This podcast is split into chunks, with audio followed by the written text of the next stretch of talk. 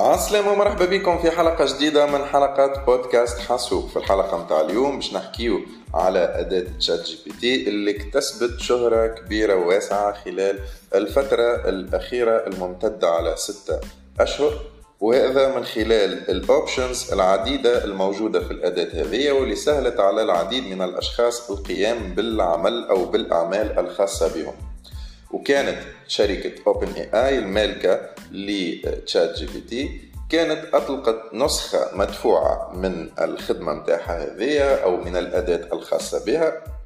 والنسخة المدفوعة كان السعر متاعها 20 دولار شهريا واللي تضمن لك خدمات أسرع من قبل الأداة هذه. وتضمن لك كذلك أنك تتمكن من استعمال النسخة الجديدة من الأداة الموجودة الآن اللي هي ChatGPT 4 لكن على ما يبدو فأن الأخبار الآن أصبحت تشير إلى أن شركة OpenAI وبدعم من شركة مايكروسوفت اللي عندها مساهمة كبيرة جدا في شركة OpenAI من الناحية المادية حذر باش تقوم بإطلاق نسخة جديدة مدفوعة من أداة ChatGPT. الاشتراك متاعها شهريا قد يصل إلى 150 دولار.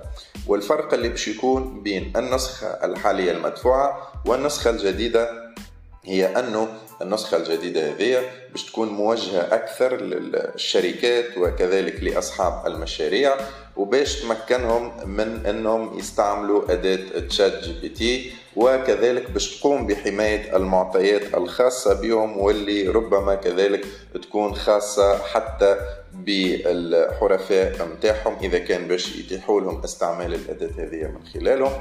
ويمكن أنه الشركة خذت الإجراء هذايا خصوصا بعد ما حصل مع شركة سامسونج اللي قامت بمنع الموظفين متاعها رسميا من استعمال أداة ChatGPT داخل الشركة وكذلك من استعمال الأداة في كل ما يخص العمل متاعهم لأنهم تفطنوا لأنه الأداة هذه قامت بتسريب بعض المعلومات الخاصة بشركة سامسونج وبمشاريع الشركة.